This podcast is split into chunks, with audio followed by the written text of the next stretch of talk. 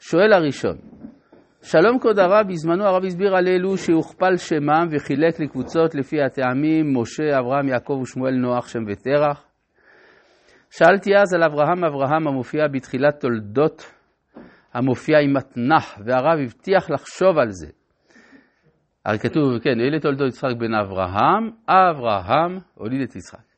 האם יש לאברהם גם זהות סמויה נוספת, וכיוון, וכיצד יהיה ניתן לפרש את אלה תולדות פרץ, פרץ, בסוף מגילת רות. תודה רבה לרב על השיעורים. כנראה שאני מתאים לפוליטיקה, כי מה שאני הבטחתי לעשות, לא קיימתי. לא התקיים. לא, ש... לא חשבתי על זה בינתיים. אבל טוב, אני אשתדל בלי נדר. אה, שואל פרנק נבט, בוקר טוב הרב, אני לא מבין, איך דווקא לא קראו את הפרשה הזאת יצחק, וזאת של נוח תולדות? הרי נוח ניצל בזכות אברהם, כך שנוח הוא זניח לעומת אברהם, ולהפך, מה, להפך, מה האבות לא גבוהים יותר מהבנים? המון תודה ויום נפלא. אז אתה אומר שנוח הוא בטל לעומת אברהם. זה נכון, אבל אברהם עוד לא נולד.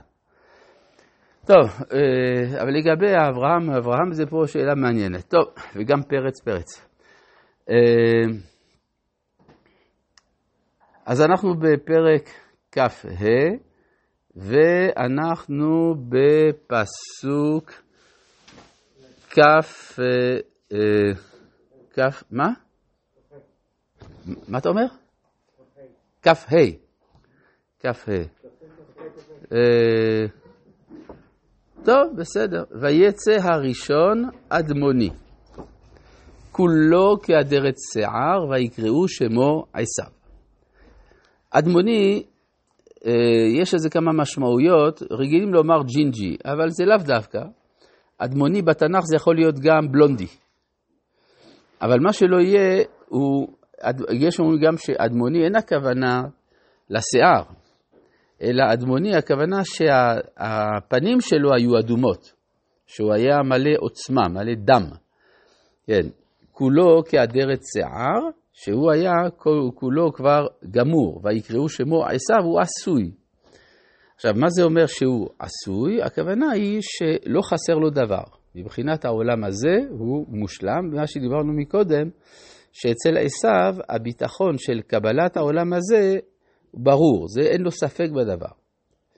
ואחרי כן יצא אחיו, וידו אוחזת בעקב עשיו. אז נשאלת השאלה, מאיפה זה בא האדום הזה במשפחה של, אה, במשפחה של אה, אה, אברהם? הרי לא, לא ציינו לא אצל אברהם ולא אצל יצחק שהם היו אדמונים, אז אם כן, מן הסתם שלא היו אדמונים, אם ציינו דווקא לגבי עשיו. אבל מצאנו גם אצל דוד, שדוד נקרא אדמוני, וחז"ל אומרים, דעתה מירות המואביה. אז מכאן אנחנו מבינים שהייתה מסורת אצל חז"ל שהמואבים, גם הם היו אדמונים. אז יש אולי קשר בין מואב לבין עשיו. ודווקא שם יש קשר לגנים האדומים. זאת למה? אז אברהם אומר לאבימלך, ואף אומנה, וגם אומנה, אחותי בת אבי היא, אך לא בת אמי. אז רש"י אומר שהרן מאישה אחרת היה. זאת אומרת שלתרח היו שתי נשים, האישה האחת ילדה את אברהם, האישה השנייה ילדה את הרן. עכשיו, מהרן יצא, אה, יצא אה, לוט, ומלוט מואב, ומואב אדמונים. עכשיו, שרה היא גם האחות של לוט לפי חז"ל. היא בת הרן. וכיוון שהיא הבת של הרן, היא הלוא היא עסקה, אז גם היא יורשת את הגנים האדומים, והם עברו באופן רציסיבי לעשו. יוצא ש... אשתו השנייה של תרח, היא הייתה בעלת הגנים האדמוניים. מה הדבר הזה אומר? זה אומר שיש בירור של מידת הדין, הרי הצבע האדום זה הצבע של מידת הדין, יש בירור של מידת הדין בתוך המשפחה של אברהם. טוב. אה? שרה היא דין? כן, שרה היא מידת הדין, זה דיברנו כמה פעמים. טוב, אה, בואו נחזור לפסוק אה, כ"ו. ואחרי כן יצא אחיו, וידו אוחזת בעקב עשיו. ויקרא שמו יעקב. עכשיו, מה פירוש הדבר ידו אוחזת בעקב עשיו? לעקוב זה תמיד להיתפס עם הסוף, זאת אומרת כאילו שאין לו מעצמו שלמות, הוא זקוק להשלים את עצמו על ידי עשיו. ואנחנו נראה שיש בהתפתחות של יעקב חמישה שלבים שונים של אימוץ הכוח של עשיו. השלב הראשון זה פה, וידו אוחזת בעקב. ויקרא שמו יעקב, ויצחק בן שישים שנה בלידת אותם, ויגדלו הנערים, ויהי עשיו איש יודע ציד, איש שדה, זאת אומרת, אדם שיודע לכבוש את העולם. אדם שיודע לכבוש את העולם זה אדם חזק. אדם שאפשר לסמוך עליו שהוא ידע להגשים את התוכנית של הקדוש ברוך הוא עבור משפחת אברהם להקים אומה, להקים מדינה. זה מנהיג אמיתי. ויעקב ישתם, יושב אוהלים. יושב אוהלים, אם כן, הוא לא כזה חזק. לכן התוצאה המתבקשת, ויאהב יצחק את עשיו. זאת אומרת, לא ייתכן לאהוב את יעקב.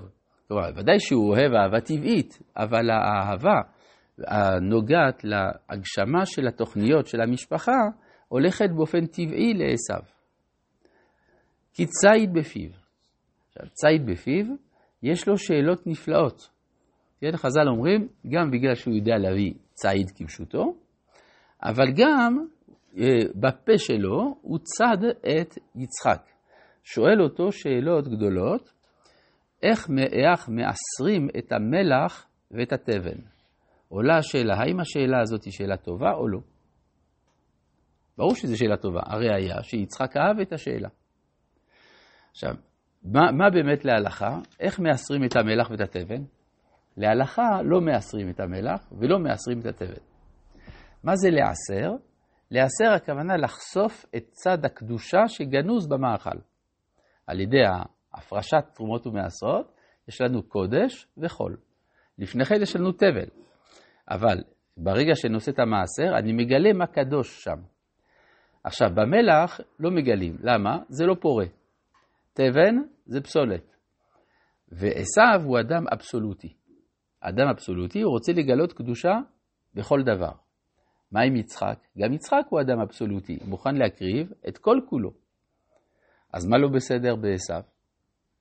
כנראה שיצחק יאמר, אף על פי שאינני יודע איך מאסרים את המלח ואת התבן, אז בינתיים אני אפריש, אני אפריש מעשר מדגן תירוש ויצהר, עד שיימצא פתרון גם למלח ולתבן. ואילו עשיו קיצוני יותר. הוא אומר, אם אי אפשר להפריש, להסר את המלח ואת התבן, אני לא מפריש שום דבר. זאת אומרת, הוא אומר או הכל או לא כלום. כמו שאמר אחד מהצאצאים שלו, ויספר לזרש, לכל אוהביו, את, את כל אשר גידלו המלך, על כל השרים, ועבדי המלך. אף לא הביאה אסתר אל המשתה אשר עשת כי מותי וגם למחר אני קראו לה עם המלך. וכל זה איננו שווה לי. למה יש אחד שלא משתחווה? אז אם אחד לא משתחווה, מה זה שווה כל זה? זאת אומרת, גם פה, אפשר לומר, זה אדם מוחלט. המוחלטות שלו היא האובדן שלו. ורבקה אוהבת את יעקב. תמוה מאוד, איך זה יכול להיות? מה, זה רגשנות נשית? או היא אוהבת את יעקב מסיבה פשוטה. הנביא גילה לה שיעקב עתיד להשתנות. כלומר, במצב שלו עכשיו, הוא לא ראוי להקים את האומה. אבל היא יודעת, ולאום מלאום יאמץ ורב יעבוד צעיר, לכן היא אוהבת את יעקב ומצפה להתפתחות שלו. ויעזד יעקב נזיר. ויבוא עשיו מן השדה. בנבואה מפוררים שיעקב עדיף על עשיו.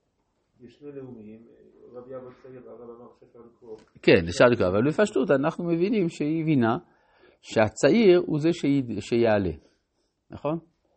הרי זה גם מה ש... זה, זה יותר פשוט לומר, ורב